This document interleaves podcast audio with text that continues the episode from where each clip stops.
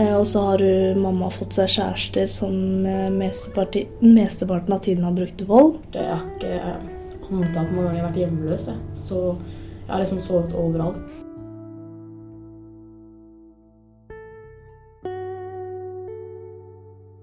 I en fersk OECD-rapport om norsk ungdom så viser tall at 86 000 unge mellom 15 og 29 år står utenfor arbeid, arbeidstrening og utdanning. Og 60 000 av disse igjen søker heller ikke arbeid. Vi har altså en enormt stor gruppe ungdom i Norge i dag som er under radaren. De har falt ut av eller er borte fra tiltak. De er ikke i Nav eller barnevernet. er nemlig et behov for variasjon i tiltakene, sier Hege Glavin. Hun har i over 20 år jobbet med barn og ungdom som har falt ut på ulikt vis. Alle passer ikke inn i den boksen som det norske hjelpeapparatet er. Er behov for at noen er tilgjengelig etter klokka fire, sier Hege. Nå har hun startet opp Robuste mennesker, og de er tilgjengelig etter klokka fire. De jobber etter en modell som heter Frog, og to av de som har vært så heldige å få være med på Frog, er Alexandra på 18 år og Jasmina på 19 år. Så i dag har jeg med meg tre flotte damer her i Ungdomsforeldrepodkasten. Og aller først så skal du få møte Alexandra. En ganske glad person, egentlig. Liker å spre glede og sånn. Eh, men samtidig så har jeg hatt mine egne fights. Så jeg har ikke vært den mest happy personen som et barn, da, egentlig. Hadde ikke den perfekte barndommen. Mye omsorgssvikt fra eh, min biologiske familie og fosterhjem. Og så var det liksom en krig da, for å få bli ordentlig selvstendig og få min egen leilighet sånn. Um, mye sånn fram og tilbake. Så I tillegg så har jeg en politisak også. Så som jeg har kjent med, jeg har kjempa med i ett års tid nå. Den grunnen til at jeg tatoverte den dandelion. Løvetann. Det gjorde jeg for ikke så lenge siden. Så når kjapt forklart, da, så kutta jeg ut min eh, far. Så uh, siden han hadde sine problemer, og han tok ga meg dårlig energi. Så fikk jeg en melding av han etter et par måneder, og det var ganske tøft. Og da begynte jeg å føle meg svak igjen. Så jeg bare Nei, denne tatoveringen har jeg planlagt, og den skal jeg ta nå i dag. Så samme dagen jeg så den meldingen, så tok jeg en tatovering. Så jeg skrev ikke tilbake. Så jeg holdt meg sterkt oppe. Føler du deg som en løvetann? Jeg er en løvetann. Men hva betyr løvetann for deg? Det betyr at jeg ennå står. Så kan ikke bare klippe den av heller, holdt jeg på å si. Den er jo, som sagt, da, den er jo Løvetann er jo liksom Den vokser fra asfalten. Det, det gjorde jeg. Og jeg står og blomstrer ennå en dag i dag. Men du, Alexandra, har du, har du hatt noen rundt deg som har sett deg, som har hatt en spesiell betydning for deg? Ja. Mange. Jeg har jo veldig mye kontakt med voksne mennesker. Jeg har jo fem mødre. liksom normale barn, da, sånn sett. Det er liksom mest normalt å samle på klinkekuler når de er små, men jeg samla på mødre. Så da liksom jeg bygga Siden jeg var ni, har jeg bygga opp eh, finne mødre, da. Hege er nummer fem nå i dag. Så jeg har hatt eh, de. Og så jeg har jo vært Jeg har ikke antatt mange ganger jeg har vært hjemløs, jeg. Så jeg har liksom sovet overalt hos venner og um, voksne mennesker. Og det er liksom sånn jeg har fått kontakt. da. Så jeg har delt liksom litt her og der. Så har jeg Jeg har veldig gode venninner som vet uh, egentlig veldig mye om min barndom. Så da har de fulgt meg opp, og så videre, videre. Så ja. Mye gode mennesker her. Så jeg nå har begynt å Nå har jeg liksom stilt ord på hvem som gir meg bra energi og dårlig energi, da. Så ja. Takk til være dem så har jeg det bra nå i dag òg. Det, det, er liksom der jeg får styrken min fra. Det er de menneskene. Og Hege er din femte mamma, sa du? Ja. ja. Det er Hun var jo coachen min. Hun er jo, jeg vil si at hun er fortsatt coachen min. Men det er liksom den tilliten vi skapte. da. Det skapte et forhold mellom oss. Så at hun er så autentisk som hun er, og um, ærlig og åpen, da skapte det tillit veldig, veldig fort. For det er det jeg er ute etter i andre mennesker. Og da skjønte jeg liksom Ok, da, hun her er en bra mor, så hun tar jeg. og hun tok jeg. så hun ble mor. Mm. Hva har det betydd for deg? Det betyr mye. Det betyr at uh, jeg blir likt, da, egentlig.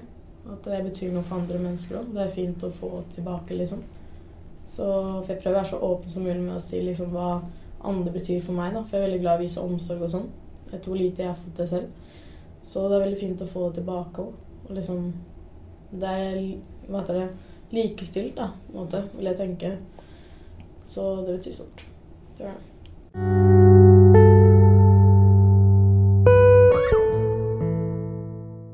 Um, jeg kommer fra en familie med to kulturer. Og det er to helt forskjellige kulturer. Så det endte ganske dårlig. Eh, de gikk jo fra hverandre bare da jeg var tre år gammel. Eh, og etter det så har jeg levd med mye ansvar. Eh, jeg har vært mye hjemme alene. Rydda, vaska, lagd mine egne matpakker. Og så har hun, mamma fått seg kjærester som mesteparten av tiden har brukt vold. Ehm, og så har jeg ikke hatt eh, noen rollemodeller, og ikke noen jeg kan prate til og fortelle hvordan jeg egentlig har det. Og heller ikke blitt spurt om hvordan jeg egentlig har det. Eh, så da bestemte jeg meg for å rett og slett gå hjemmefra. Eh, Da hadde jeg bodd hos pappaen min i et halvt år, noe som var helt jævlig. Han stengte meg inne og tvang på religionen sin på meg. Eh, Etter det så bestemte jeg meg for å bo hos venninna mi i tre måneder. Nå etter det så har jeg havnet i barnevernet, ettervern, og fått min egen hybelleilighet. Og nå flytter tilbake til mamma. Eh, Det er jo noe jeg velger sjæl. Eh, jeg, altså jeg har jo sett endringene hennes. Nå har jeg fått to barn i tillegg. Og de endringene hennes er jo enorme. Før så var hun på en måte en lukket person, og nå er hun litt mer åpen. Eh, og forstår litt mer. Og hun skjønner at jeg skjønner like mye som hun skjønner. Så da er det mye lettere for oss å kommunisere, på en måte. Ikke alt er lett, da, men det kommer seg. Du sa du har alltid tatt mye ansvar. På hvilken måte har du måttet ta ansvar? Eh, Jeg m- måtte rett og slett være voksen for meg selv. Jeg måtte ta vare på meg selv og kunne sørge for at jeg kom og våkna opp tidlig til skolen og hadde mat å spise. Eh, Så det ble mye sånn opp igjennom oppveksten at ta vare på deg sjæl. Hvis ikke, så gjør ingen andre det. Så det, det var det jeg svarer, liksom. Robuste mennesker AS de leverer selvledelseskurs og ledelseskurs til unge voksne og ledere. Gjennom involvering, trening, workshops og reflekterende samtaler så får deltakerne som ønsker en endring i eget liv, et godt utgangspunkt. Vi er opptatt av å tilpasse tilbudet til hver enkelt deltaker, ikke å få deltakerne til å tilpasse seg et system, sier Hege Glavin, som er daglig leder. Utgangspunktet mitt er at jeg har 25 års erfaring med å jobbe med unge. Og jeg har jobba veldig mye offentlig i forskjellige typer altså tunge institusjoner. Jeg har jobbet eh, tett opp mot Nav, jeg har jobbet på oppdrag fra barnevernet. Jeg har jobbet inn i familier. Og kanskje noe av det som jeg ser er liksom røde tråden da, for meg, som jeg er veldig opptatt av, er at vi må jobbe mye mer helhetlig. Og tillit og relasjon er liksom helt avgjørende tenker jeg, i forhold til å få til endringsarbeid eller komme seg inn i familien. Jeg har jobbet i familier i opptil to år, og da handla det om at de sier 'Hvor kommer du fra?' Jeg tror ikke det har så veldig mye med egenskapene mine å gjøre, men jeg tror det har noe med oss å se hva de trenger. Ikke sant? Fordi jeg tror at det etablerte hjelpeapparatet Det er fantastisk mye nydelige mennesker som jobber der, men vi er for firkanta. Fordi veldig mye av de ungdommene de trenger oss etter klokka fire. De trenger noen som de kan ha tillit til og vite at de kan ringe til og være til stede for. Og så må vi ikke være så innmari redde for å snakke om at vi blir glad i hverandre, for det er helt greit, og det har ikke noe med ikke være profesjonell å gjøre. Ja, for jeg tenker Noen vil kanskje nå tenke at eh, Men Hege, da blir man jo helt grenseløs. Mm. Og hva kan bli konsekvensen av det igjen? Ja. tenker du om det? Igjen så henger jo det sammen med det tillit og relasjon. Jeg bare, det er, vi må slutte å tro at disse ungdommene er på en annen planet, eller disse foreldrene er helt Altså, jeg er Hege, og vi er folk. Så sitter jeg og tenker på meg sjøl hvis jeg sliter Eh, så er kanskje den største utfordringa det å plukke opp telefonen og tørre å ta kontakt med andre. Vi er svært dårlige på det. Så i løpet av de 20 åra jeg har hatt telefonen min åpen, og jeg er svært lite grenseløs eh, Disse ungdommene vet at jeg har et liv, men jeg tror at den vissheten om å vite at vi kan ringe, er like viktig. Fordi de har ofte litt nettverk rundt, men den tryggheten og det Når de ringer en gang iblant, så skal du ta telefon. Men jeg tror ikke jeg har blitt ringt ned noen gang på de 25 åra. Men jeg tror det er antagelsene. Jeg gjorde det ikke når jeg jobba på tung institusjon, fordi det er en helt annen måte å jobbe på. Men utenom det så har jeg vært opptatt av å jobbe med tiltak som er heldøgnsbasert. Fordi at det er viktig å være til stede. Og det, det tror jeg på. Og de telefonene jeg ofte får, det er jo av ungdommer to år etterpå som bare forteller at de sitter på høyskolen eller er på vei til å være der, eller bare sjekke at jeg er der. Det er, eh, det er ikke så mye telefoner. Det som jeg er så opptatt av, er jo at det er enorme potensialer eh, i disse unge. Eh, og det er jo det jeg ser. Og så er hjelp for meg, det handler jo om å hente fram det potensialet. Det her handler ikke om å tro at vi trenger å gi disse unge, innsiktsfulle, kloke folka råd. Uh, jeg vet hvor du skal hen i verden. Så jeg er veldig opptatt av å tilpasse systemet til disse ungdommene. Vi må begynne å lytte. Fordi når vi begynner å lytte Det er en grunn til at vi har to ører og én munn. Det skulle jo vært litt bedre til, tenker jeg, vi som jobber med disse her. For i det å lytte og stille gode spørsmål, så er det så utrolig mye innsikt, og så enormt mye potensial. Så for meg så handler det om å hente fram det igjen. Det er det det egentlig handler om. Eh, fordi det ligger der, men det kan godt hende at det har blitt borte. Eller putta i en skuff på bakgrunnen av at de har tatt ansvar for ganske mye annet. Det forteller meg ganske mye når du driver og fighter inn dine egne fosterhjem fordi du ikke kan bo hjemme. Da er det kanskje ikke plass til skolen. Ikke sant? Eh, og det bør ikke bety at man er lat, men det er ikke plass som gjør til at noen av de har faktisk ikke investert i seg selv. Så blir de lei seg. Så det handler om å ta tilbake ledelse i eget liv og kjenne på at jøss, å få verktøy og teknikker der de kjenner at jøss, jeg kan påvirke mine egne tanker. Mine egne følelser. Det handler om å tørre å ta oppgjør, forsone seg med ting. Det er lov å sørge og forstå at man er lei seg. Og få ut følelser som kanskje kan etablere seg som svarte klumper som handler om angst. Og hente fram glede og mestring igjen. Og det er jo det jeg ser. Og jeg, er, jeg aner jo ikke hvor de ender opp hen i livet, men det jeg ser, er at når de henter fram potensialet som ligger i dem, så er det helt rått. Ikke sant? Det er med disse to jentene her om dagen, når dere var med oss til Tøyen ikke sant? Foran en svær gjeng med folk som er veldig engasjert i unge folk, ikke sant? og spesielt dere, så sto jo plutselig han ene og for han Altså, han solgte seg inn til dere i forhold til å ansette dere i bydel, eh, ikke sant? For han ser ressursene deres. Ikke sant? Det er jo, og Du fikk tilbud, Alex, om å begynne å jobbe på ungdomsskole, eller sånn klubben for litt yngre barn. Og du har jo fått jobb som å bygge ungdomskafeen for den, fordi at de har bygd en ungdomskafé og savner kanskje litt ungdom. Og du skal være med og løfte det til at det skal bli et bra tilbud. Min drøm har jo alltid vært det å jobbe, hjelpe andre. Eh, først og fremst barn og unge. Eh, Førsteprioritert er jo ungdom for meg. Og fortiden min er den som har gitt en styrke til min fremtid. Og til hvorfor jeg har lyst til å gjøre det jeg har lyst til å gjøre. Jeg tenker egentlig det samme. Mm. Sånn, nå har jeg mer forståelse for barn og ungdom. Ikke sant? Så jeg velger da å være åpen om min fortid ved å liksom hjelpe andre barn og ungdom. Så da skaper jeg lett tillit, da. Det er målet mitt skape tillit til eh, barn og unge. Så jeg skal ha min drøm også, da, jobbe med ungdom. Men uh, da tenker jeg ungdomsinstitusjon. Det er min drøm. Ja. Du, du, sa tillit. Mm. Jeg tenker jo med, med, det som du har vært gjennom, mm. uh, så tenker jeg at man fort kan miste tillit. da. Mm. Har du mistet tillit til de voksne? Veldig mye. Eh, spesielt barnevernstjenesten.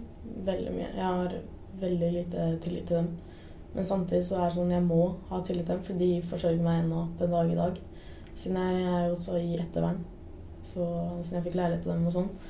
Men eh, samtidig så prøver jeg å tenke at eh, ikke ta alle under én kam. Alle voksne er ikke som de som svikta meg heller. Så eh, igjen så jeg var veldig usikker på Hege. da. Eh, og ha tillit til henne og dette programmet her. Men eh, så tenker jeg ikke ta det under samme kam. Og jeg er glad jeg valgte å ha tillit til Hege. Se hvor jeg er nå i dag. Har du noen idé om hva, hva som gjorde at du fikk tillit til Hege? Det var at hun var så direkte. Hun har jo bein i nesa, liksom. Det er veldig tydelig når hun snakker. Så hun er så ekte som det går an. Hun unik. Og jeg hun delte mye av seg sjæl første gang jeg møtte henne. Og viste at eh, jeg har troa på deg. Selv om hun ikke kjente meg. Så det bare å høre det, liksom. Ikke, kanskje ikke de direkte ordene, men hun sa det på en måte at jeg forsto det sånn. da. At eh, hun satser på ungdom som meg. Da tenkte jeg ja, skal vise at det er verdt det å satse på ungdommer som meg og Jasmina. Hvordan kan vi voksne møte barn og ungdom på en måte som gjør at de får tillit til oss? Det er å holde det du lover. Eh, og det å Jeg tror at eh, de siste utdanningene jeg har gått, eller jeg er sånn Dette er jeg litt sånn opptatt av, for tillit tror jeg du får gjennom å lytte. Altså, du kan ikke lese det i en eneste bok. Du kan lese mye om det, så er det forskjell på å snakke tillit og være tillit. Og tillit mener jeg at du kan få i løpet av fem minutter. Gjennom det at eh, det handler om du brenner for det du holder på med. Det stråler ikke bare gjennom ord, men det stråler gjennom hele væremåten. Og det handler om å holde det du lover. Jeg veit ikke hvordan jeg vil si det noe annerledes, men jeg tenker jo at jeg eh, Ja, det å lytte, som jeg er opptatt av, det er jo istedenfor at jeg For å bli kjent med Jasmin og Alex handler det om å lytte litt til dem. Hva er det du trenger?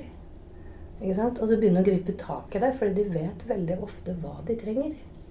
Og det er jo litt av det som jeg tenker at jeg er veldig glad for å jobbe med dette livsmestringsprogrammet også. fordi det, det er liksom bygd opp basert på lyttet ungdom. Fordi de er fulle av innsikt, selv om, selv om vi alle Og det er ikke noe aldersgrense på det å miste ledelse egentlig. Men det kan skje meg òg, det. Så det er også en livsfilosofi at det er en tilfeldighet at jeg sitter her og dere sitter der. Det kan skje ting på et eller annet tidspunkt i ungdomstida som gjør at den negative ballen begynner å rulle på ulike måter. Og det er å få stoppa den. Så jeg Ja. Så for meg så er tillit det å lytte veldig mye. Og tørre å utfordre litt. Og utfordre etablerte tanker som kan ha blitt sannheter. Eh, Men som ikke nødvendigvis er sannheter, men vi har skapt det på bakgrunn av at noen har fortalt oss noe, eller vi har opplevd ting. Sånn som når du kasta krigermaska di sant? og fikk det. Fordi du sier at den krigermaska mi har jo bare gjort til at jeg har stengt folk ute og plassert meg i fortida mi. Og det gjør til at jeg åpner ikke opp for nye mennesker heller, der jeg kanskje kan få nye opplevelser. Og se Jasmina som på en måte hadde Hvis jeg får lov til å si det, litt selvutslettende, fordi du er så omsorgsfull. Ikke sant? Du er helt nydelig på å være til stede for alle andre. Men du har glemt å kjenne etter. ikke sant? Så en av dine beste egenskaper er å være omsorgsfull og sprudlende og morsom. ikke sant? Men når du har glemt deg sjøl oppi det, så blir du selvutslettende. Og det er så kult å se, fordi du er liksom jenta med verdens største styrke og med bein i nesa. Så det handler om å oppdage at å ja, jeg kan finne en balanse i forhold til den omsorgen min. Det er min beste egenskap. Den skal du bevare. Men jeg skal ikke bli selvutslettende. Det å sette seg sjøl på kartet. Og det tenker jeg krever trening.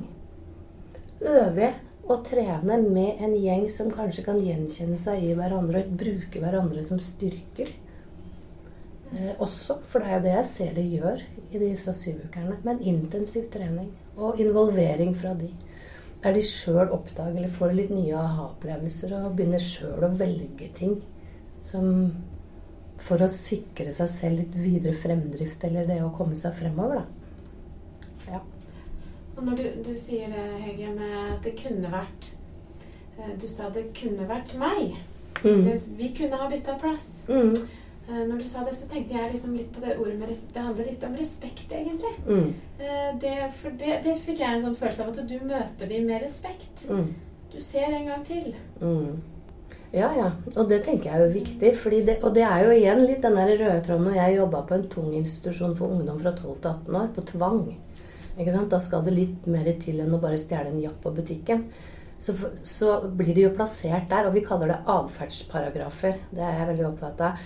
Og det er sånn, For meg så er det atferd er liksom én ting, men det er sånn hvis du er litt nysgjerrig og går bak den atferden og ser hva er det som gjør til at han eller hun er sint, eller på en måte nesten møter deg med en kniv det er kanskje totalt mangel på tillit, fordi de kanskje bare har opplevd voksne folk. Så du har åpna døra di for tillit ti år, og de fleste har på en måte brukt det mot deg.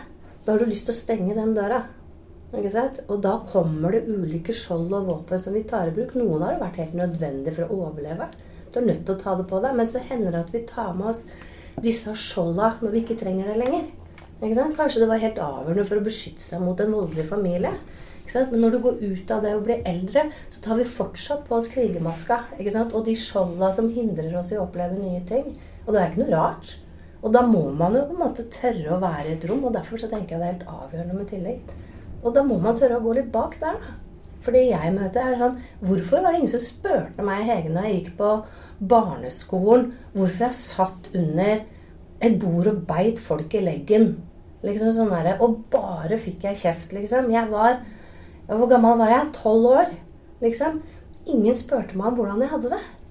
Jeg visste ikke når jeg dro hjem, jeg, om barnevernsvakta kom for å hente meg i dag, eller om mamma eller pappa var rusa.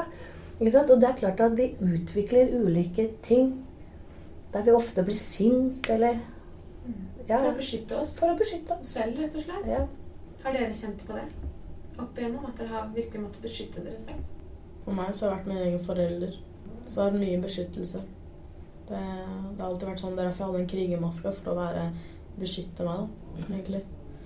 Å be om hjelp er en styrke. Og sårbarhet er også en styrke. Det er noe jeg lærte. Og det å spørre skader ikke. Spørre hvordan vi man jeg egentlig har det. For da får du et svar. Man får ikke et svar om man sitter med spørsmålet i huet. Har du, har du møtt mange voksne som, eh, som har antatt eh, og egentlig ikke vært så interessert i å spørre deg fordi de tenker at de vet sannheten, eller vet hvordan det er? Det er alle voksne som jeg har møtt oppover til nå. Ja. Ikke, ikke Hege og sånn, men eh, i hvert fall opp igjennom oppveksten min, samtidig som jeg hadde det tøft, så var det ingen som spurte hvordan jeg hadde det. Fordi de allerede tenkte at ja, hun har det bra. Fordi hun er jo allerede sprudlende. Sprudlende har jeg alltid vært, og det kommer jeg alltid til å være. Men eh, det er noe med det å bli spurt og faktisk få et svar. Tror du de kanskje har vært redde for å spørre? Fordi svaret kunne være ubehagelig? Det vet jeg ikke. Eh, de har jo stort sett ikke visst noen ting. Alle de voksne som har vært rundt meg, inkludert barnevernet. Ja, de har ikke visst at eh, ting skjer hjemme. Eh, grunnen til hvorfor jeg aldri vil hjem etter skolen. Eh, og Nei. Jeg tror ikke det går an å være redd for å stille et spørsmål som du på en måte ikke vet noen ting om. Det syns jeg er et gjennomgangstema òg. Fordi det er liksom det Du kan ha det ganske tøft hjemme. Og jeg har sett at veldig mange av de har klart seg. Men noen ganger så har jeg liksom hørt at det var én som så det. Og bare få en tilførsel av det. Det var én som sa det, enten det var lærer eller bibliotekaren eller en bestevenninne eller en tante eller et eller annet sånt noe, som på en måte plutselig bare så det. Det handler om å bli sett, da. Og da handler det om at vi må tørre òg. Det er ikke noe farlig å stille spørsmål. Det er jo, det er jo ikke det. Frog det er jo et anerkjent program som har vedvart i tolv år. Som er bygd på bakgrunn av lyttet ungdom. Og det er jo Ingeborg Lykseth som er utvikleren av det. Og det er et livsmestringsprogram der det handler om å jobbe med å ta tilbake ledelse i eget liv. Og dypdykke i forhold til videre veivalg. Og målet er liksom tilbakeføring til jobb og skole med varig endring. Fordi de fleste ungdommer som kommer til oss, da, det er jo ikke eh, synlig det de sliter med. Men det er Angst, depresjoner, tunge tanker, mista mestring, håp og tro. Og opplevelse av at det har en påvirkningskraft i livet. da. Og det har det jo. ikke sant? Og at vi kanskje har begynt å lage sånne litt for små firkanter som vi skal plasse, passe inni. ikke? Og det er jo å hente fram det igjen. Så de kommer ofte og sier at det er ikke et CV-kurs eller et karriereveiledning jeg trenger. Og jeg er ikke noe mot det. For det er noen som trenger det òg. Men jeg er opptatt av tiltaksvariasjon. Det å ha ulike tilbud til de unge som gjør til at vi kan bringe dem videre. Så jeg har bare lyst til å si at 80 000 ungdom i Norge, og det er en ganske fersk måling som ble gjort eh, forrige uke 86. 86 000 ungdom ligger fullstendig under radaren. Der de er borte fra alle tiltak. Altså det fra, jeg tror det var fra 17 og opp til 25 år. De er ikke i jobb, de er ikke i skole, de er ikke aktivt søkende i jobb eller skole, og de er heller ikke i noen tiltak. De er ikke i Nav, de er ikke i barnevernet. Det er ganske mange. Det forteller meg ganske mange om at uh, det er mange som sitter der, og som ikke blir fanga opp av noen. Og de jobber vi mye med. Så jobber vi også med familier. Døgnbasert. Det å gå inn og få for å hindre videre uheldig utvikling, så trenger familier med ungdom støtte, og gjerne etter klokka fire. Det å tilby den hjelpen som gjør at man får tillit til ungdommen. Man får tillit til foreldrene og kan jobbe ganske tett sammen, samtidig å være en koordinator ut imot uh, et hjelpeapparat for å åpne fastlåste systemer, fordi man trenger ofte en utenfra. Og jeg opplever foreldre som virkelig bryr seg om ungene sine. Men uh, de er like også sårbare innimellom, de òg, Og vi låser oss fast. Og det å jobbe med livsmestring i skolen, forebyggende jobbe inn mot skolen og gripe tak i det vi jobber med disse ungdommene som allerede har falt ut, før de faller ut. Fordi de trenger å jobbe med verdier, egenskaper og identitet. Jeg mener at det skal være et like viktig fag på skolen som matte og samfunnsfag. Og det er jeg så enig med Hege i. Det å lære å forstå seg selv, tanker, følelser og reaksjoner, vet du hva, det er så verdifullt og viktig. Får vi det inn i skolen som et fag, ja, da vil vi få mer robuste barn, ungdom og etter hvert voksne. Hvis du likte dagens episode, så gå gjerne inn på iTunes og legg igjen noen stjerner der. Del den gjerne med ditt nettverk eh, på sosiale medier, slik at enda flere får vite om Ungdomsforeldrepodkasten.